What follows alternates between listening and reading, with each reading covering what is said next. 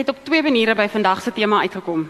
Aan die eerste kant het ek um natuurlik hierdie tyd van die jaar, nuwejaarsvoorneme, jy wil dit bereik en jy wil dit doen en jy wil al hierdie drome. En toe lees ek 'n artikel wat die ou sê soos dis alles goed en wel om hierdie drome te hê, maar het jy al vir jou die skills aangeleer om hierdie drome te bewaarheid? Soos as jy dan nou, kom ons maak een van die bekendste is ek wil soveel gewig verloor einde van hierdie of in hierdie jaar. En as dit is okay, jy het nou hierdie droom, maar het jy self nou al die skill aangeleer om nee te sê vir kos? So eenvoudig is dit. Dis het jy al daai skill aangeleer om nee te sê. Um en te besef ek maar dit is nogal die ding is ons droom baie keer hierdie groot drome wat nie die probleem is nie, maar ons doen nie die grondwerk om daai drome te kan bewaarheid nie. Ons leer nie die skills aan wat ons nodig het om dit reg te kry nie. So dis aan die een kant en dan aan die ander kant is dit epifanie. Dit is die tyd van die kerk waarin ons nou is, die kerklike jaar. En ek het laasweek het ek gepraat oor dit het ek gesê epifanie is die tyd van die jaar wat ons sê ons fokus op Jesus Christus wat 100% mens was en 100% God was. En die fokus lê spesifiek ook daarin dat God die Vader gekom het en Jesus as koning gekroon het. So dan die kleure is wit wat reinheid is, groen is die groei en goud is vir die koningskap. Dit is die kleure wat ons in Epifanie dan nou gebruik of dit is die tekens van Epifanie en vandag is dit groen. Dis kom ek my groen rok aan het. Want vandag gaan ons praat oor groei, oor oor hoe groei ek? Hoe groei ek geestelik en in geloof? Hoe groei ek nader aan God? En die teks wat ons vandag gaan lees is Hebreërs 5. Ek gaan begin by vers 11 en dan lees ons oor na Hebreërs 6 tot vers 12. Dis 'n redelike bekende gedeelte ook, maar dit is dis redelik gepas om as ons vir mekaar vra maar hoe groei ons as Christene? Ek lees uit die 2020 vertaling uit, so die van julle wat dalk nou 'n 83 vertaling het, waar jy lees, dit gaan so bietjie anders klink. Maar kom ons vat net 'n oomblik en dan word ons eers saam stil.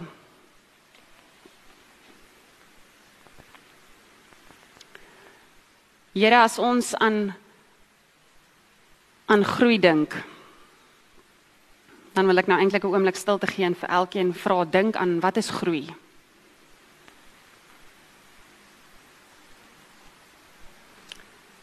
Here ons het in ons koppe hierdie idees oor wat beteken groei? Wat is dit? En nou in hierdie gebed, Here, wil ek vra dat U in elkeen van ons koppe sal inklim en al ons vooroordeele oor groei, dit wat ons dink groei is, net so vir 'n oomblik sal op sy skuif en vir ons vanoggend kom wys wat wat beteken dit om geestelik te groei? Here, want dit is so 'n mooi woord en mense hoor van geestelike groei kursusse wat aangebied word en uh, ons wil sê ons is geestelik volwasse, maar wat beteken dit regtig? Hoe lyk dit as ons sê ons groei in ons geloof? Here, so stroop dit wat ons in ons koppe het oor dit bietjie weg en kom plant vir ons die nuwe saad van u van u groei. Amen. Waarskuwing teen afvalligheid is nou eintlik die opskrif daar. Hieroor het ons baie om vir julle te sê. Wat moeilik is om te verduidelik aangesien julle traag geword het om te luister. Want terwyl julle teen hierdie tyd reeds leraars moes gewees het, het julle nou weer nodig dat iemand julle die grondbeginsels van die uitsprake van God leer. En het julle weer behoefte aan melk en nie vaste kos nie. Elkeen wat melk gebruik, is immers onervare ten opsigte van die boodskap van regverdiging want hy is 'n suigeling. Maar vaste kos is vir volwassenes, vir hulle wat oor die aanvoeling beskik, deur gewoonte geoefen om te kan onderskei tussen goed en kwaad. Laat ons dan verder gaan as die eerste beginsels van die boodskap aangaande Christus en voortgaan na volwassenheid sonder om weer die fondamente lê van die bekering van die dooie werke van geloof in God, van onderrig oor regeringsrituele, oplegging van hande, opstanding uit die dood en van ewige oordeel. En juist dit sal ons doen as God dit toelaat. Dit is immers onmoontlik om hulle wat eenmal verlig is, wat die hemelse gawe gesmaak het en deel gekry het aan die Heilige Gees en wat die goeie woord van God gemaak het en ook die kragte van die komende gesmaak het, sorry, en ook die kragte van die komende bedeling en tog afvallig geword het, weer opnuut tot bekering te bring. Aangesien hulle wat hulself betref, die seun van God opnuut kruisig en openlik tot skande maak. Want grond wat die reën ingedrink wat telkens daarop val en 'n bruikbare oes voortbring vir hulle om wie se ontwil dit bewerk word ontvang God se seën. Maar wanneer dit dorings en dussels voortbring, is dit nutteloos en naby vervloeking. Die einde daarvan is verbranding. Maar selfs wanneer ons so praat, geliefdes, is ons wat julle betref oortuig van beter dinge wat betrekking het op ons verlossing. God God is immers nie onregverdig nie. Hy sal nie vergeet van julle arbeid en van die liefde wat julle vir sy naam betoon het deurdat julle die heiliges bedien het en nog steeds bedien nie. Ons begeer dat elkeen van julle end uit dieselfde ywer sal toon om ten volle sekerheid van die hoop te kom. Sodat julle nie traag word nie, maar die voorbeeld volg van hulle wat deur geloof en geduld die beloftes beerf. Net tot sover. Nou Julle het nou mooi gehoor wat daar gebeur het. Dit is nou die skrywer van Hebreërs wat ons nie weet wie hy is nie, maar hy sê vir die mense, ons het nou al vir julle hierdie grondslag gelê. Ons het vir julle al hierdie goed al geleer en julle is al veronderstel om selfleiers te wees in die gemeente, maar nou val julle terug. Julle wil nou weer net die fondasie hê. Maar voordat ek verder spesifiek nou op hierdie gedeelte gaan fokus, as ons oor groei praat, is daar gewoonlik 'n paar goeders wat ons klassifiseer as dit is tekens van groei. As jy nou in die besigheidswêreld dink of as jy in jou eie lewe dink, as jy aan plante dink, is daar sekere goeders wat dit is groei. Maar ek wil so vyf goeders uitlig. Want as ons aan geestelike groei of geloofsgroei dink en ons luister baie keer wat Jesus sê, dan sal 'n mens dink maar Jesus, ek dink jy 'n bietjie verkeerd om. Dit klink eerder soos agteruitgang. Dit klink nie soos groei nie. Is jy seker? Is jy seker jy het reg gepraat nou hier? Maar geestelike groei is iets heeltemal anderster as wat ons as groei sien in die algemene wêreld. So ek het so vyf plekke waar Jesus vir ons die idee van groei so bietjie op sy kop keer. In die eerste plek as dit kom by kennis. Ons sê hoe meer jy weet, hoe beter. Ons het 'n kollega op 'n stadium gehad wat gesê het inligting gee rigting. So hoe meer jy weet, hoe beter vir jouself. Jy moet slimmer raak. Jy moet meer weet, jy moet meer kan praat. Want as jy baie kennis het, hoe slimmer jy is, hoe meer gereeld kan jy reg wees. Né? Nee? Kan jy sê ek is reg want ek weet dit. Dit is my kennis wat ek het. Jesus sê nee. Dit gaan nie in die eerste plek oor hoeveel kennis jy het nie. Dit gaan in die eerste plek hoe jou verhoudings lyk. So in 'n verhouding kan dit nie gaan oor wie is die slimste en wie is die meeste reg nie. Dit gaan oor die verhouding. Nou as ons lees dan skryf Paulus in 1 Korintiërs 8, dan sê hy so mooi: As iemand dink hy weet iets, is sy kennis nog nie soos dit behoort te wees nie. Maar as hy as iemand God liefhet, word hy deur God geken. So as jy vir jouself sê, "Is nou weet ek iets, dan weet jy eintlik niks volgens God se geestelike groei nie. Want dit gaan oor liefde. Ek sê want die verskil is kennis, genoeg kennis, sê ek vir myself ek is belangrik want ek het baie kennis. Maar as my fokus op verhoudings is, dan sê ek ek het genoeg kennis, maar verhoudings is vir my belangrik. So ek is nie die belangrike een nie, maar die ander mense om my is vir my belangrik. En dis wat Jesus sê. Dit gaan nie oor ek wat moet slimmer en slimmer word nie. Dit gaan oor hoe hanteer ek die mense wat naby aan my is? Hoe laat voel ek die mense om my belangrik? So, die eerste een is dan nou oor kennis. Meer kennis is nie noodwendig die beste ding as jy nie jou fokus op verhoudings sit nie. Die tweede ding van en dis eintlik seker maar die die grootste ding van groei. Groei vir ons sê altyd meer en groter en beter. Dit is tog groei. 'n boom wat jy plant so as hy groei beteken dit hy gaan hopelik volgende jaar so staan. Groei is mos nou meer en groter en beter. So meer lidmate, groter byeenkomste, meer geld. Dit is mos dan groei in die kerk. Nee.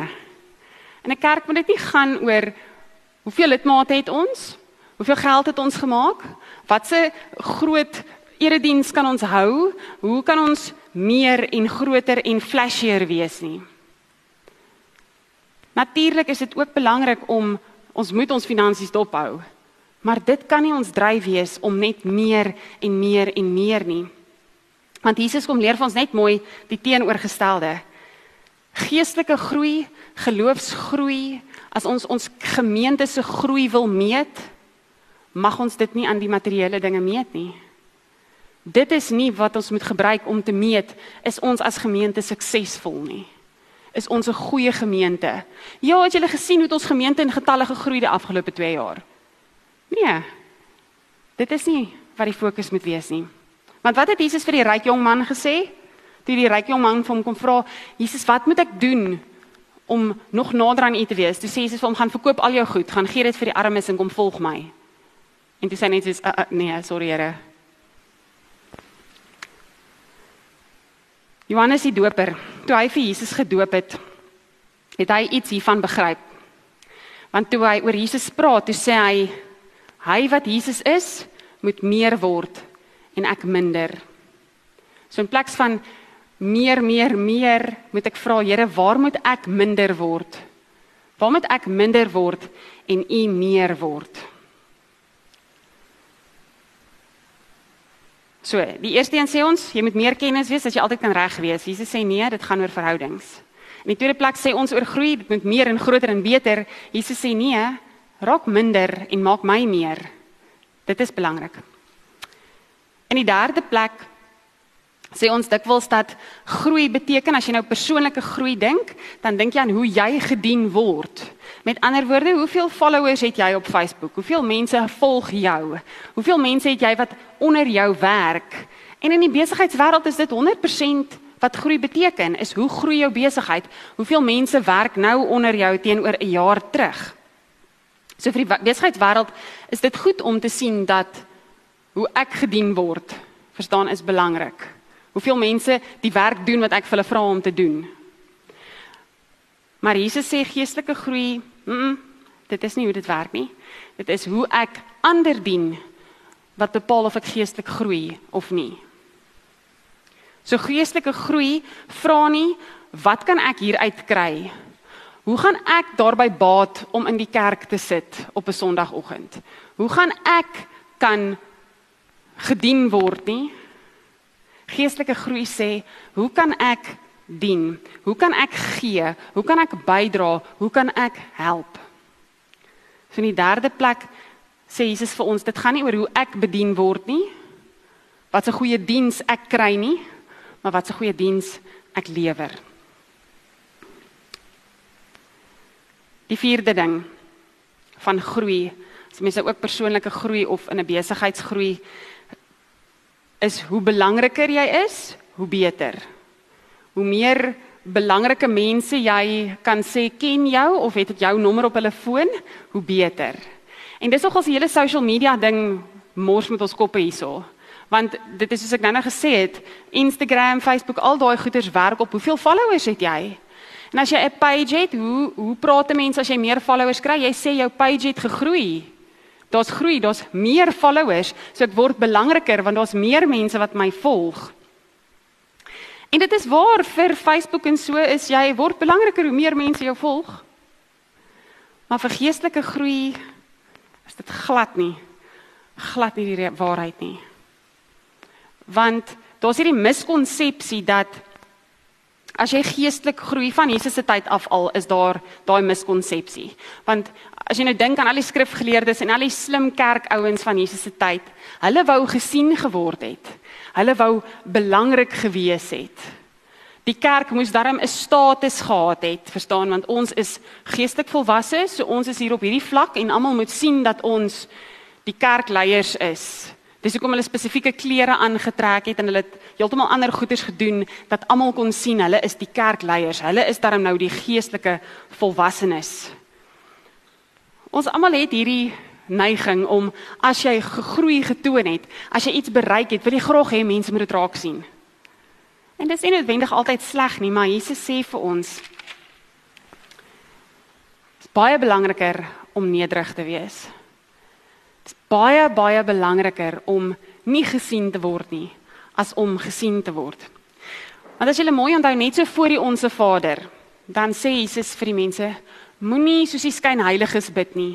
Moenie op die straathoeke gaan staan en gaan kliphard bid en verkondig en preek dat almal jou moet sien nie.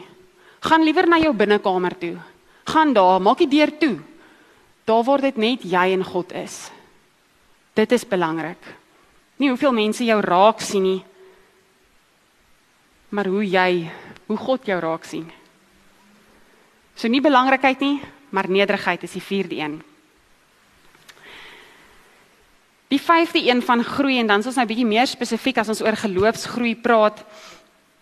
Dink mense baie keer 'n uh, bewys van hulle groei is dat hulle die regte woordeskat het. Is hulle kan hulle geloof verdedig. Hulle kan baie praat oor hulle geloof en hulle het die regte woorde om te sê dat hulle geloof gegroei het. En dit is goed en wel ons leer om reg te praat. Ons leer die taal aan as jy geloofsgroei het. Maar dis amper soos met die eerste een. Meer kennis, meer van die regte woorde maak nie van jou 'n beter gelowige nie. Maak nie van jou 'n volwasse gelowige nie. Jakobus 2 vers 17 tot 18 sê: So is geloof alleen. As dit nie op dade uitloop nie, dood. Maar as iemand sê, jy het geloof en ek het dade, wys dan vir my jou geloof sonder dade en ek sal uit my dade my geloof wys. So dit help nie om verskriklike groot taal te hê en jou geloof te kan verdedig en te sê dit is wat ek glo. Maar as jy by die deur uitstap, dan is dit wat jy met jou voete en met jou hande doen nie getuienis daarvan nie. Jy kan nie 'n groeiende geloof hê en jou dade match nie daarmee nie. Dis nou die vyf goed. Meer kennis versus beter verhoudings. Meer meer meer versus minder van myself, meer van God. Die derde ene, ehm um, nie om gedien te word nie, maar om te dien. Nie om belangriker te wees nie, maar om nederig te wees. Nie om jou geloof met woorde te verdedig nie, maar om te doen. Nie geloof alleen nie, maar dade. OK. Nou kom ons terug by Hebreërs met daai vyf goed in ons koppe. Die Hebreërs skrywer maak hier 'n baie baie belangrike punt en hy gebruik vier metafore om dit te verduidelik. Hy sê in die eerste plek Ons het julle al hierdie goed geleer. Julle weet dit alles. En nou moet ons terugkom en dit weer vir julle leer. Julle is al veronderstel om ander mense dit te leer, maar nou wil julle van voor af hierdie goeders hoor. Ons moet nou van voor af vir julle hierdie goed leer. So onderrig gee is die eerste metafoor wat hy gebruik. En dan in dieselfde asem gebruik hy die hele metafoor van melk en vaste kos.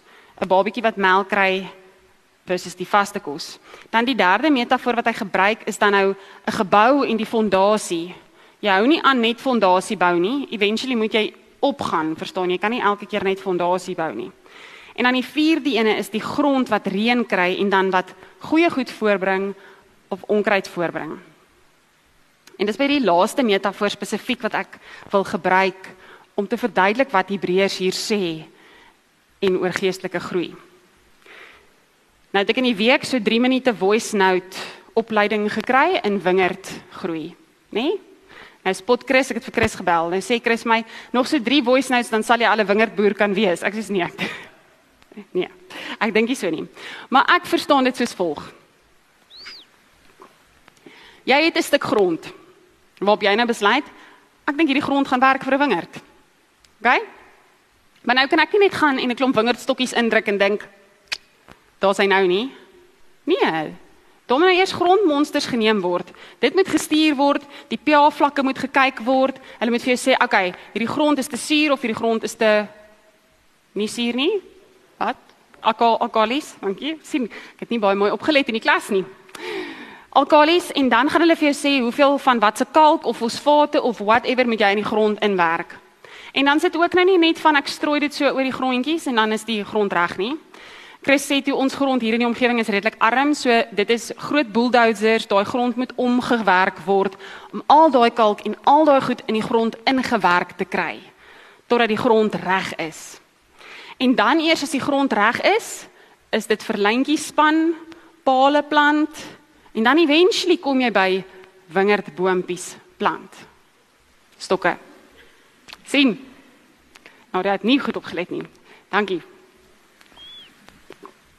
So dit is jou initial werk. Dit is jou fondasie lê. Dit is jou melkdrink stadium. Jou fondasie. Dit doen jy een keer. Jy doen al daai moeite een keer. In ons geloof is dit daai keer wat jy tot bekering kom. Daai keer wat jy besef maar o, dit is God. As jy hierdie initial groot goed van God besef. En dan hoor ons daarso praat hy van dan sê hy ehm um, bekering ehm um, van dooie werke. Iets so eenvoudig soos geloof in God is volgens die Hebreërs skrywer een van daai fondasiegoeders. Om te glo in God is een van daai fondasiegoed. Jy kan nie net daar vashak nie. Ehm um, hy praat nou in die onderrig van oor reinigingsrituele. Nou ons het nie meer reinigingsrituele nie, maar as ek nou myself kan indink in daai tyd, jy word tog net een keer geleer hoe om te bad. En dan weet jy mos hoe om te bad. as ek dit nou so so bluntly kan stel. So hierdie gedeelte word een keer gedoen en dan volgende jaar as dit nou die nuwe jaar is, dan ruk die boer alles uit wat hy geplant het en hy gaan neem weer grondmonsters en hy kry weer 'n bulldozer om weer kalk in te werk om weer te kan paaltjies plant om weer te kan stokke plant nê nee. nee jy gaan nie dit elke jaar weer doen nie. Jy gaan nie elke jaar van scratch af hierdie stuk grond oorbewerk om wingerd te plant nie. Want as jy dit een keer goed gedoen het het jy dit mos gedoen As jy een keer van God gehoor het, het jy van God gehoor, dan kan jy dit nie uitvee en sê, "O, ek het nog nooit hiervan gehoor nie." Wat gebeur nou? Wat gebeur nou as jou wingerd nou geplant is? Nou moet jy kos gee. Nou moet jy water gee.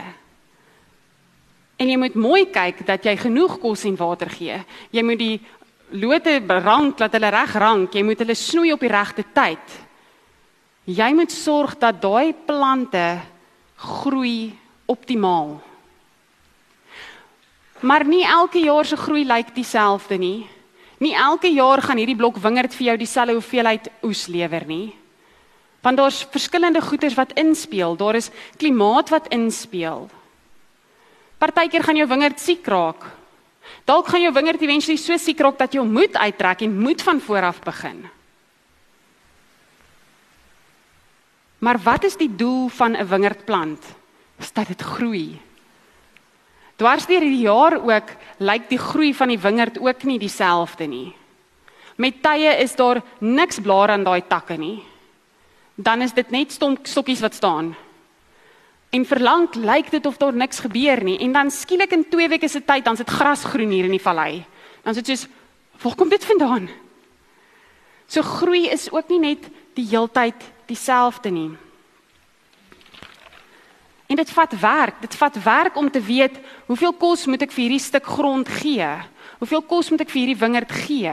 Want nie elke wingerd gaan dieselfde hoeveelheid kos en dieselfde hoeveelheid water vra nie, want dit hang af waar hulle geplant is.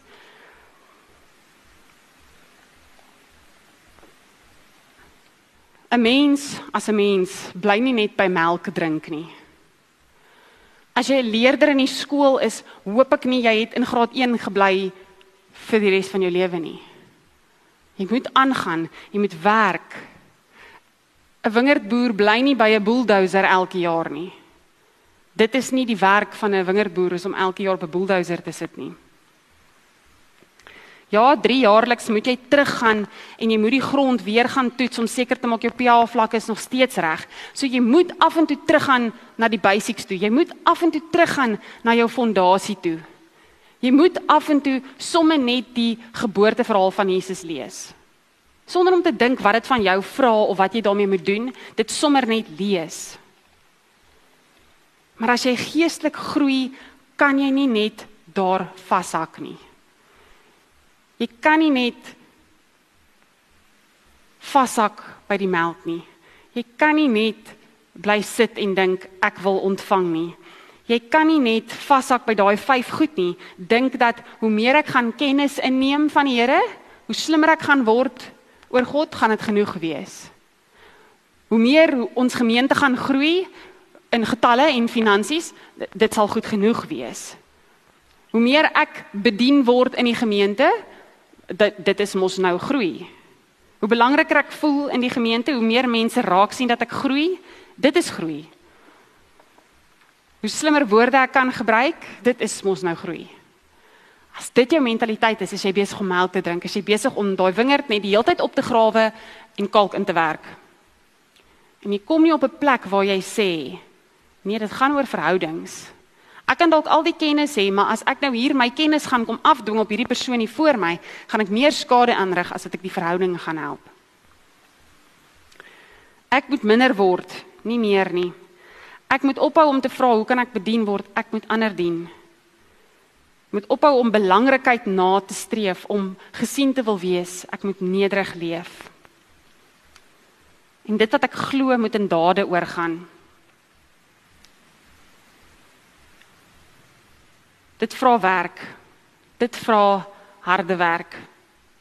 Want wingerdboere, julle sal weet dat jy hom nou geplant en nou gaan sit jy in jou kantoor vir die res van die jaar, nê? Nee. nee, Gideon, jy sit die hele jaar net in jou kantoor. Nee, ja, Richard sê ja. So, ek weet nou nie wie moet ek glo nie. Richard, ek dink nie jou pa sit net op kantoor nie, hoor. maar as jy 'n boer is, weet jy dit vra harde werk. Dit vra harde werk. En net so as ek en jy regtig wil geestelik groei, as ons regtig in 'n verhouding met die Here wil groei, dit is moeilik. Hebreërs sê spesifiek daai laaste gedeelte wat hy sê. Eindig hy, hy sê en en groei meet jy aan hoe lyk jou verhouding met God? Hoe groei jy in jou verhouding met God? Hoe dien jy ander? Hoe lyk dit as jy ander dien? Dit is waarin jy groei. En dan die laaste ding wat hy sê is om die hoop te behou. En ek dink amper dit is die sleutel van of om te meet aan is jy geestelik volwasse of het jy geestelik gegroei is as jy kan vashou aan hoop maak nie saak hoe swaar dit om jou gaan nie. Dit is groei. Ek gaan afsluit. Ek gaan vir ons Kolossense 3 lees. Maar ek gaan die message vertaling lees want weer eens is dit so 'n goeie vertaling. Ek geniet dit om om die, die message vertaling te lees. So julle kan net so sit en luister na na hoe hy Kolossense 3 vertaal. Kolossense 3 is 'n baie mooi verduideliking van as jy wil geestelik groei, los hierdie gemors en doen dit. so luister net. Die opskrif daar is he is your life. So, if you're serious about living this new resurrection life with Christ, act like it. Pursue the things over which Christ presides. Don't shuffle along, eyes on the ground, absorbed with the things right in front of you. Look up and be alert to what is going on around Christ. That's where the action is. See things from His perspective. Your old life is dead. Your new life which is your real life, even though invisible to spectators, is with Christ in God. He is your life. When Christ, your real life, remember, shows up again on this earth, you'll show up too, the real you, the glorious you. Meanwhile, be content with obscurity like Christ. And that means killing off everything connected with that way of death sexual promiscuity, impurity, lust, doing whatever you feel like whenever you feel like it, and grabbing whatever attracts your fancy. That's a life shaped by things and feelings instead of by God. It's because of this kind of thing that God is about to explode in anger. It wasn't long ago that you were doing all that stuff and not knowing any better. But you know better now. So make sure it's all gone for good. Bad temper, irritability, meanness, profanity, dirty talk. Don't lie to one another. You are done with the old life. It's like a filthy set of ill fitting clothes. You've stripped off and put it in the fire. Now you're dressed in a new wardrobe. Every item of your new way of life is custom made by the Creator with His label on it. Words like Jewish and non Jewish, religious and irreligious, inside and outsider, uncivilized, uncouth, slave, free mean nothing. From now on, everyone is defined by Christ. Everyone is included in Christ. So, chosen by God for this new life of love, dress in the wardrobe God picked out for you compassion, kindness, humility, quiet strength discipline, be even tempered, content with second place, quick to forgive an offense. Forgive as quickly and completely as the Master forgave you. And regardless of what else you put on, wear love. It's your basic, all purpose garment. Never be without it. Let the peace of Christ keep you in tune with each other, in step with each other. None of this going off and doing your own thing. And cultivate thankfulness. Let the word of Christ, the message, have the run of the house. Give it plenty of room in your lives. Instruct and direct one another using good common sense. And sing. Sing your hearts out to the Lord. Let every detail in your life, in your lives, words, action, whatever, be done in the name of the Master Jesus thanking God the Father every step of the way. Amen.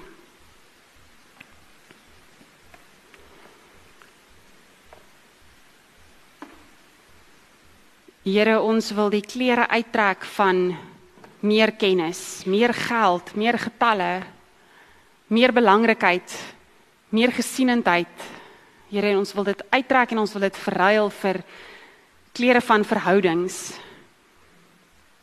Klere van minder van myself, maar meer van U. Klere van nederigheid. Ons wil klere aantrek van liefde. Hier is ons praat van groei. Leer ons dan wat dit is om te groei in U naam. En help ons om ons idee van groei wat die wêreld vir ons wys en wat ons mee groot geword het en wat ons in baie opsigte van ons lewe moet leef. Help ons om dit op sy te skuif wanneer dit kom by ons verhouding met U en wanneer dit kom in ons verhouding met ons geestelike familie. Here leer ons om geestelik te groei. Amen.